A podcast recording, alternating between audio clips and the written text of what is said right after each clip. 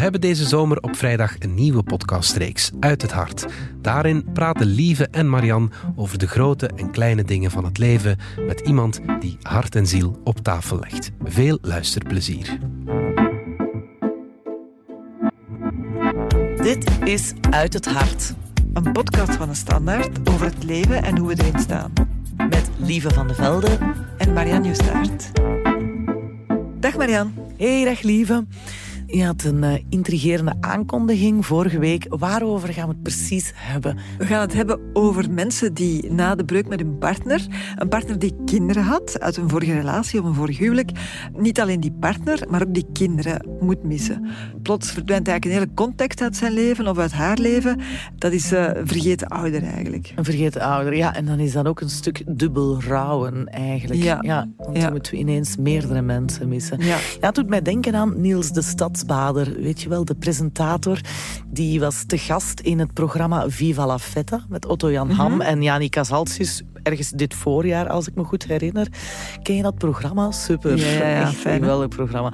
Wel, Niels die vertelde daar dat hij dus ook lange tijd een relatie heeft gehad met een vrouw die een zoon had uit een eerdere relatie. En hij kende dat jongetje heel goed. Hij heeft hem zien opgroeien, smeerde zijn boterhammen, deed het kind naar school enzovoort. Mm -hmm. Maar dan kwam het tot een breuk tussen de stadsbader en zijn vriendin. En dus ineens verdween ook uh, haar zoontje uit zijn leven. En hij had het daar echt moeilijk mee. Zo, dat was ja. een redelijk emotioneel stuk. Wel, het is zo iemand die we vandaag ook aan het woord gaan laten. Jonathan woont in Leuvense, heeft een uh, relatie gehad met een vrouw die al een dochter had. Uh, heeft zich ook gehecht aan die dochter, heeft daar een, Ja. een toffe band mee opgebouwd. Relatie is gedaan en ziet ook die dochter niet meer. Mm. Hij heeft daar heel hard van afgezien. Ik stel voor dat jij eens met hem gaat praten. Ik kan deze keer niet mee. Maar vergeet je chocolaatjes niet, hè, Marianne? Oké, dat is goed. Ik zal er mee pakken. Ik ben ermee weg.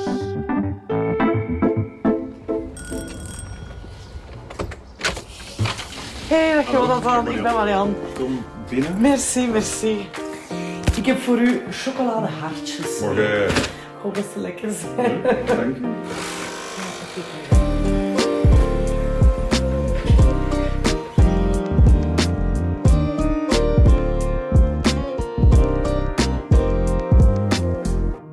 Ik ben Jonathan en 42 jaar ondertussen. Uit het Leuvense, geboren getogen en blijven plakken. Toen onze relatie begon, was haar dochter uh, net één jaar geworden. Dus dat is een ja, klein babytje dat nog rondkruipt en een uberschattig is. Ja, dat is iets waar je dan mee inrolt. Je wordt verliefd op een vrouw, je begint een relatie mee. Uh, maar die had ook een kind, niet dat dat een probleem was. Uh, maar ik wist eigenlijk ook niet hoe daarmee waaraan te verwachten, mee om te gaan. Je wordt, dat, overvalt u. Um, Want je had zelf geen kinderen Nee. op dat moment. En ook geen kinderwens misschien. Of toch wel het idee van... uh, geen expliciete kinderwens. Nee. Plots er een plusvader. Ja, ja. en dat, dat zet geen eens heel rap. Uh, zeker met zo'n klein kindje, dat heeft ja, constant aandacht en uh, bescherming en, en, hulp nodig. Dus je rolt daar gigantisch snel in. En ja, zo, ik weet niet, dat, dat zorgzame, dat instinct, uh, moederinstinct is meer gekend, maar ik denk wel dat er ook iets als een vaderinstinct is. En daar zijn het gaan overgeleverd. En dat was niet echt iets wat ik ja, kon vatten of voorspellen op voorhand, tot als je daar stond. Had uh, de mama een uh, co-ouderschapsregeling met de vader van het kindje? Of, uh, of waar jij er eigenlijk direct wel redelijk nauw en vaak bij betrokken? Zij had een moeilijke breuk achter de rug met haar man, echtgenoot, de vader van het kind. Met als gevolg dat eigenlijk de papa maar één keer om de twee weken ah, ja, uh, in het weekend uh, Lientje zag. En die kwam halen. En de rest van de tijd was zij bij, uh, ja, bij, bij, ons. Bij... Ja, want jullie woonden samen. Praktisch, niet, niet, echt officieel, maar zij was hier toevallig ook in de buurt komen wonen. Zo ben ik haar, heb ik haar leren kennen.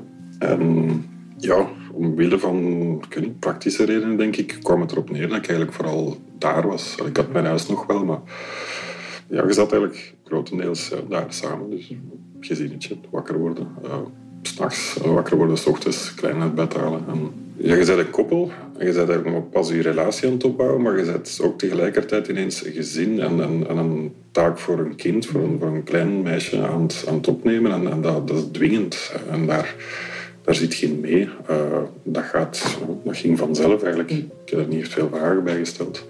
Het is een klein babytje, maar op een of andere manier heb je snel wel een connectie daarmee. Langs twee kanten ook.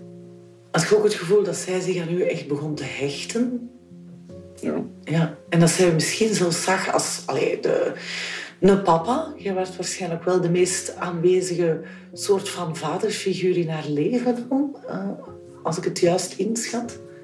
Ja, alhoewel, dat ze, ze, haar papa ook wel. Hè. Dat zag je wel. En, en ik vond het eigenlijk wel mooi om te zien dat ze die ook wel herkende okay. en zag. En, en ja, allee, je, je, je, loopt zo al die stappen mee af. Zo de, de, de eerste stappetjes dat je ziet. En, en je bent gigantisch trots en je bent blij dat je dat mocht meemaken. En, en, en de eerste woordjes, en je begint die zo ook wat te helpen. En, en mij wordt dit is mama, mama, dit is een bijtje, dit is een vogel, vogel, bij, bij, alles was een bij. En wie was jij? Mijn vriendin heeft dan ook geprobeerd mij voor te stellen, want dit is Jona, want, ah, Jonathan, maar iedereen noemt me dan Jona. En dan maakte zij daar Jajo van. En dan, dan was het dan mama, bal, bij, Jajo, Jajo. En ja, dat pakt u wel. Dat was, je krijgt zo'n naam van zo'n kind en dat, dat is een, een uiting van dat je ook gezien wordt, denk ik. Dat was ook laatst wat ik van haar gehoord heb. Als ze in de auto zat en mijn ex kwam mijn laatste spullen aan mijn deur af uh, leveren. En dan zat ze in de auto met haar armpjes uitgestrekt. Ja joh, ja joh, aan het roepen, maar ik kon er niet bij. En dat was het laatste wat ik van haar gezien heb. Wat? Ja, zo.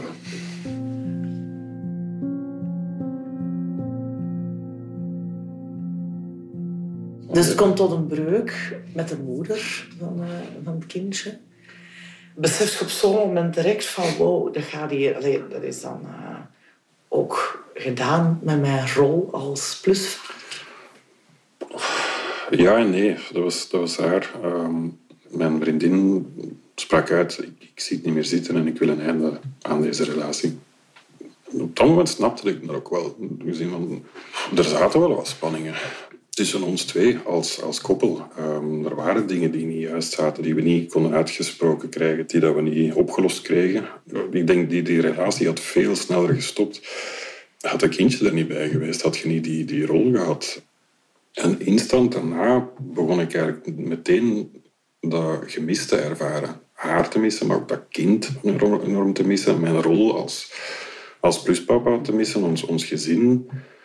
Want hoe lang waren jullie samen dan in totaal ongeveer? Oh, dat gaat dus dat is geen twee jaar zal het geweest Ah, ja, zijn. Hè? Dus, Ja. dus een, een echt gigantisch lange periode was dat niet, maar het was wel een... een Intens en natuurlijk eh, belangrijke jaren van tussen naar één en naar drie van het kleine meisje dan. Ja. Werd jij wel aanwezig? en dat overviel mij ineens heel sterk, dat, dat missen. En, en ineens, dat borrelde precies allemaal samen naar één groot gemis, naar alles, naar, naar mijn vriendin, naar dat kind, naar, ja, naar ons. En ik denk dat ik vooral achteraf moet erkennen dat ik daar de fout heb gemaakt om dat niet in zijn verschillende onderdelen apart te zien. En ik denk dat ik dan misschien had kunnen praten en argumenteren met haar van oké, ik wil je niet tegenhouden om uw leven te leiden en ik snap het ook dat het verder is, moet gaan en dat het beter is voor ons om uit elkaar te gaan, maar ik zou het wel fijn vinden om nog eh, contact met, met ons kind eh, te behouden. Ehm, maar dat, is, dat, dat lukte toen niet. Dat was, het was alles of niks en dat was raar. En, ik kreeg het niet uitgesproken. En ik weet niet waar dat zij zat. Eh, ik denk dat zij snel die keuze heeft gemaakt van afsluiten en, verder en, en niet meer terugkijken. Ik weet niet. Maar wat ik niet herkende was dat missen van een kind. En dat heeft mij echt kapot gemaakt. Daar kon je geen blijf mee met jezelf. Ik kon dat niet plaatsen. Ik kon dat ook niet verklaren aan anderen, aan mijn omgeving, mijn netwerk van vrienden. Zelfs mensen die kinderen hadden zelf, kwamen al gauw met het ding van oh, zeg maar, het is wel niet uw kleine. Hè.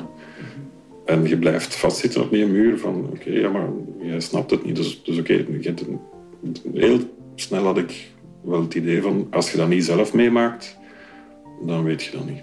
Wat ik gemerkt heb is, ik heb het alleen maar kunnen uitleggen aan mensen hoe dat, dat zat als ik het voorbeeld nam van, je kent holibies. Ja, die, die kunnen, twee mannen bijvoorbeeld, ja, die kunnen geen kind baren zelf. Dus die, en er zijn er veel die een kind adopteren en jij denkt dat die, die dat kind niet graag zien, dat die dat kind geen band mee opbouwt, dat dat kind omgekeerd geen band met die papa's eh, op, opbouwt. Ah ja, ja, ah ja, nee, ja, nee, dat snap ik wel. Ja, voilà, dat is hetzelfde.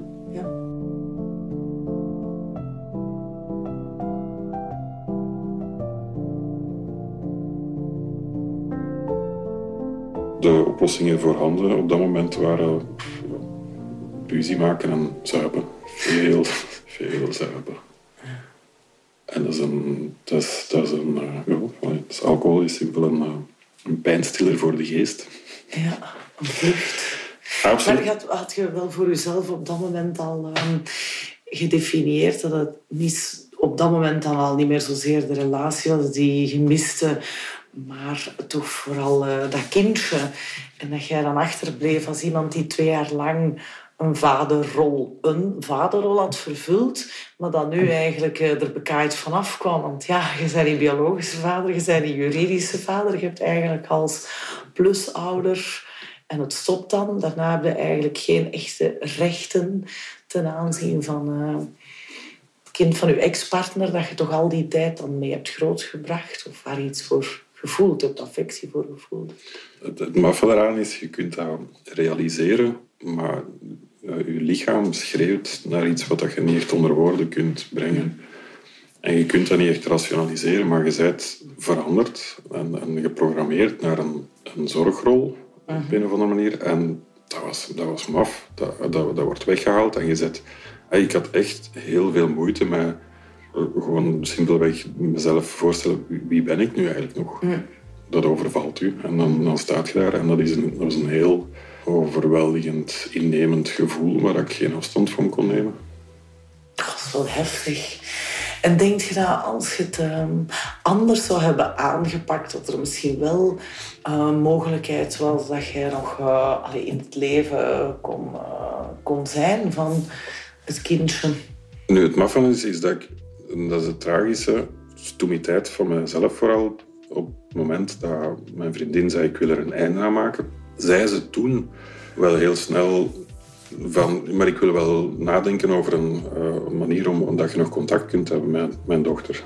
En, en ik weet het niet, ik, denk in de periode daarna, dat ik, ben ik dat nu vergeten of, of is dat verwaast gegaan? Ik, ik, heb, ik was toen, kon dat niet accepteren dat dat de enige optie was nog dat ik had. Ik denk dat ik vooral wou dat gezin en, en het geheel en haar ook niet niet opgeven, niet, niet, niet verliezen. Ehm, maar dan achteraf, ja, dan denk je ineens terug van, oh, miljard stoemerik. Waarom, waarom had je daar toen niet... Ah ja, nee, dat is een goed plan. Allee, waarom konden we dat niet ineens accepteren? Dat is heel raar, want in dat moment van die breuk is, is alles messy en, en, en, en, lelijk en, niet tastbaar en je weet het niet goed.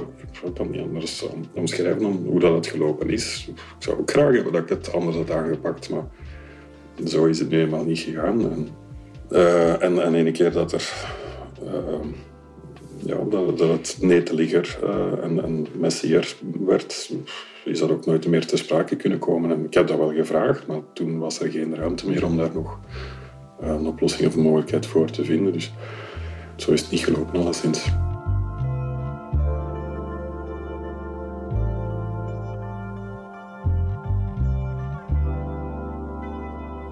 Wat ik nu mensen in die situatie adviseer of zou willen adviseren, is van praat daarover aan het begin van uw relatie.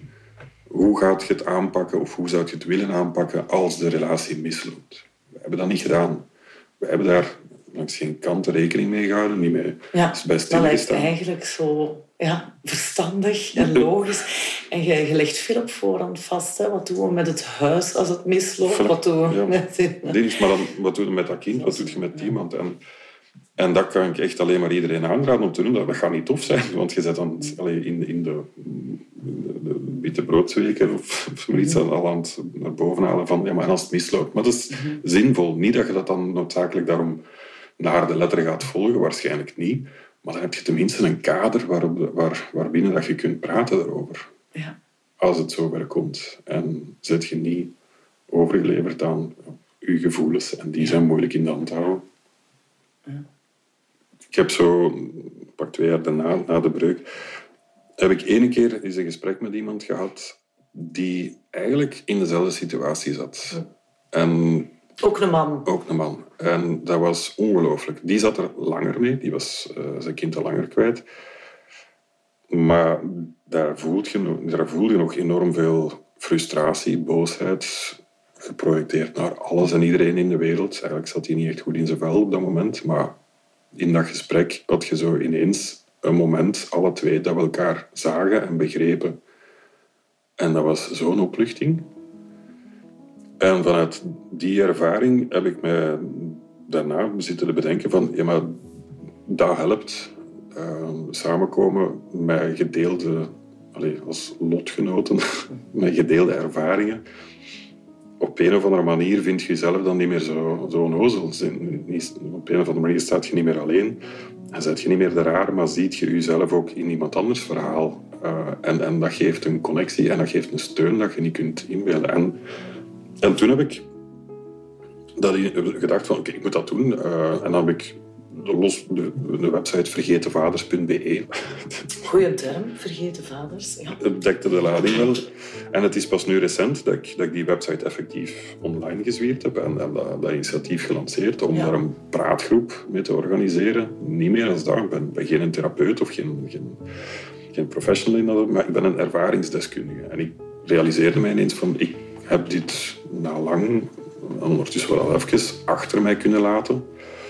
In die zin dat ik niet wil zeggen dat ik dat, niet, dat kind niet nog kan missen. Dat gaat de rest van mijn leven zo zijn, denk ik. Maar dat blokkeert mijn, mijn dagdagelijks leven niet meer. Ik sta er niet meer mee op en ik ga er niet meer mee slapen.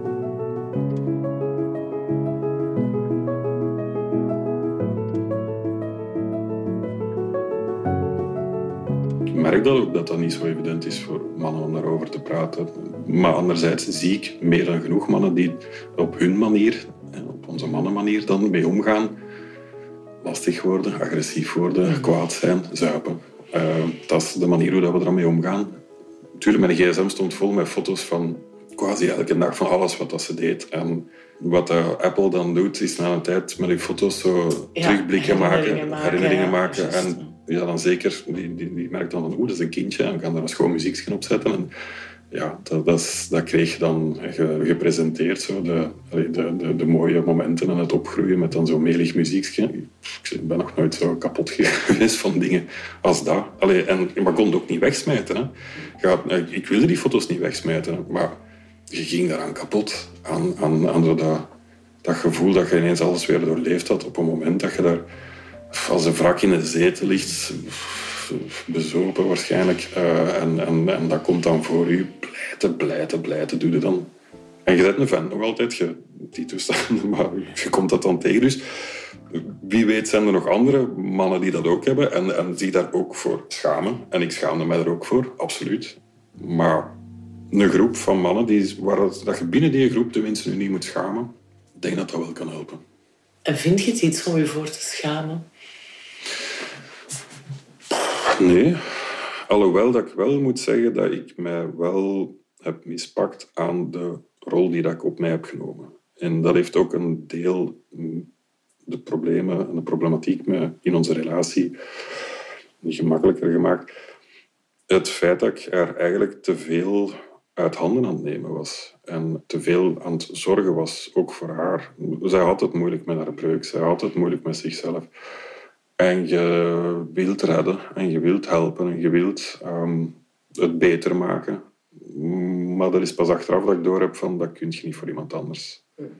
Heb je ooit ook echt in de plaats van je ex gesteld? Van stel dat ik diegene was met een kind. Hm. En inderdaad, de relatie allee, loopt echt niet meer goed. Allee, we zijn elkaar ja, misschien aan het kapot maken, maar bon, eh, het het gaat gewoon echt niet. Ja. Uh, hoe gij het zou, of dat voor u dan wel een evidentie zou zijn dat uw ex dan wel nog uw kind zou zien. Ik, ik weet niet hoe dat het bij haar is gegaan, want we hebben daar niet over kunnen praten. Dus ik weet het niet. Um, ik, ik vermoed dat het alleen maar mogelijk had geweest, ook voor haar, had er geen enkele uh, animositeit niet meer bestaan tussen ons. Want ik merk bij veel mensen die, die een breuk doorgaan en er zijn kinderen mee in spel, ja, ik vermoed dat er heel veel uh, gevoelens en jaloezie en machtsspelletjes overcijpelen in het rationeel van het is uh, voor het welzijn van de kinderen. Ja, niet altijd. Allee, de keuzes die gemaakt worden, denk ik dat veel meer worden ingegeven door jaloezie of problemen of, of nog altijd niet, iets niet vergeven hebben aan de anderen en dat dat heel veel meespeelt. En je hebt op een bepaald moment wel even psychologische hulp gezocht? Ja, of? ja. klopt. Ja. Uh, vooral ook mijn eigen, omdat ik mezelf eigenlijk een beetje kapot aan het drinken was. Um, maar dan toch op Goed moment... dat je dat beseft dan op een gegeven moment. Allee, uh, je de stap durft zetten ook naar de hulpverlening. Ja, ja, echt letterlijk kort om er binnengestapt. Uh, met het idee van, uh, ik ben het hier echt allemaal aan het, aan, het, aan het weggooien en aan het kapotmaken en mijn eigen leven aan het ver, verknoeien. Ik heb hulp nodig. Dat was, dat was beangstigend. Jezus, die, die schuifdeur binnen stappen voor de eerste keer ja, daar, daar kunnen ze helpen als je ergens hulp uh, zoekt en nodig hebt. Voor zo'n zaken denk ik dat ik daar moest zijn. En dat heeft ja, toch een dik jaar geduurd mm. dat ik dat gedaan heb. En redelijk snel hebben ze mij ook op het goede moment gesuggereerd, denk ik, dat ik ook wel aan het jammer was over van, ik ben mijn leven aan het vergooien en ik doe niet anders dan suipen. En, uh, dit was dan, en dan ja, misschien moet je een keer stoppen met drinken. Maar echt helemaal. En dat, dat viel net op het goede moment. En dan heb ik effectief ook een jaar lang geen druppel alcohol ja. gedronken. En dat was een noodzakelijke ingreep. En dat, mm -hmm. dat heeft mij geholpen. En, en, en, dat parcours heeft ja, mij wel terug uh, er, erbovenop gehaald in, in grote lijnen toen. Ja, nee, absoluut. Voor uw leven en de verwerking, uh, allee, of het plaatsen van het rouwen om. ik, ik denk dat het grootste werkpunt vooral was het, ja, inderdaad, dat rouwen, dat kunnen uitspreken. Maar misschien ook het, het terugvinden van een identiteit en, en, en jezelf. En... Ik vind dat ook zeker al helemaal niet zo evident, wat je allemaal hier zit te zeggen. Zo. Dat je dat kunt en dat je dat durft. Dus... Het, is, het is maf, want het is een ervaring die, die mij enorm veel inzicht in mezelf en, het leven heeft, heeft gegeven. Een bewustzijn dat ik daarvoor niet had. Maar tegelijkertijd, de, de les die dat ik gekregen heb, ja, ik niet dat ik de prijs had willen betalen. Het accepteren van hoe dat zo'n dingen lopen is, is denk ik een, een, een dankbare en um, waardevolle levenservaring. En hoe um, is uw state of mind nu ten opzichte van het meisje, van een kindje? Dus gaat je bijvoorbeeld uh, soms nog eens googlen om te zien uh, uh, of ze ergens in een schooltje is ingeschreven. Je weet nooit wat je terugvindt. Of zo van die probeert je dat ergens op te volgen via misschien nog gemeenschappelijke vrienden? Of heb je dat ook wel kunnen loslaten? Ik heb mijn eigen gedwongen om dat los te laten. Dus we zijn denk ik zes, zeven jaar verder bijna. Zij is ook een heel ander kind, persoon geworden nu. Die, die gaat mij nooit van, van zijn leven nog, nog eh, herinneren. Zij was te jong. Ik kan me dat nog wel herinneren, maar ik herinner mij dat kleine meisje. Ik weet niet wie dat ze nu is. Ik heb niet die tussentijd meegemaakt. Tuurlijk ben ik, ben ik eh, nieuwsgierig en vraag ik het mij af en zou ik het willen weten. En, en, ja, maar je moet dat ook loslaten. Ja. Dus nee, ik weet echt niet hoe dat er nu mee gaat. Ik hoop dat het er goed mee gaat. En uw huidige vriendin, hoe reageert zij daarop eigenlijk? In het begin van onze relatie was dat soms wel een issue. Omdat ik daar ook met haar aan het bespreken was van wat ik, aan het, wat ik meegemaakt had of waar ik soms nog problemen mee had, die toestanden. En dat heeft wel een tijd geduurd voordat zij heeft dat kunnen plaatsen als dat is in het verleden en dat is, um, ja, dat is geen bedreiging. Ik denk dat het inderdaad soms wel als een bedreiging overkwam voor haar vreemde manier. Um, ja, ik kan niet voor haar spreken wat dat precies was. Maar ik merkte dat het... Het heeft, het heeft wel even geduurd om, ja. om dat, dat uit te leggen. Maar sorry, we zijn, dat, dat heeft oh, denk ik een half jaar geduurd. Uh, ja. Dat we daar soms even over hadden. En, en, dat dat soms een beetje een discussie was. Dat ik soms ook moeten uitleggen. Omdat ik het gevoel had dat ze, dat ze een angst had van iets. Of dat, dat, wat, dat ze wat kortaf was daarover. Maar dat is geen enkel probleem niet meer nu. Ze staat daar nu ook achter en ze weet, sommige mensen komen naar haar toe en zeggen van, oh Harme, gaat het met u? Dat u weet dat je met een vent zit die daar nog zo moeilijk mee heeft. Nee, je leest het verkeerd. Die vent is daar oké mee, ja. maar die wil het eigenlijk vooral aanbieden aan venten die dat ook meemaken en die er nu zwaar mee worstelen. Het is vanuit dat ding. Dus we zijn perfect oké samen met, uh, met dat ding. En we zijn ons eigen uh, pad aan het bewandelen. Wij, wij hopen zelf uh, kindjes te maken en op de wereld te zetten. En als het, uh, moet je inshallah. ja, Voor niks beter zelfs. Als, je kunt het niet weten. We, we zien wel, we zijn aan het oefenen.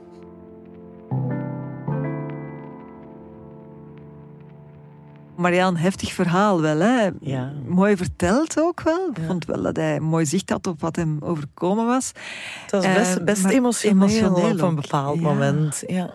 En wat ik ook dacht van, oh, toch wel frappant hoe, hoe, hij niet alleen afscheid moet nemen van mensen, van die partner en, en die dochter, maar ook van een rol, een identiteit als vader eigenlijk. Hij heeft het de laatste jaar opgebouwd en dan... Uh, ja, toch weer moeten afgeven heel snel. Absoluut, ja. Anderzijds, wat hij dan voorstelt van je moet het allemaal maar afspreken en vooraf vastleggen, dat lijkt me ook heel onrealistisch.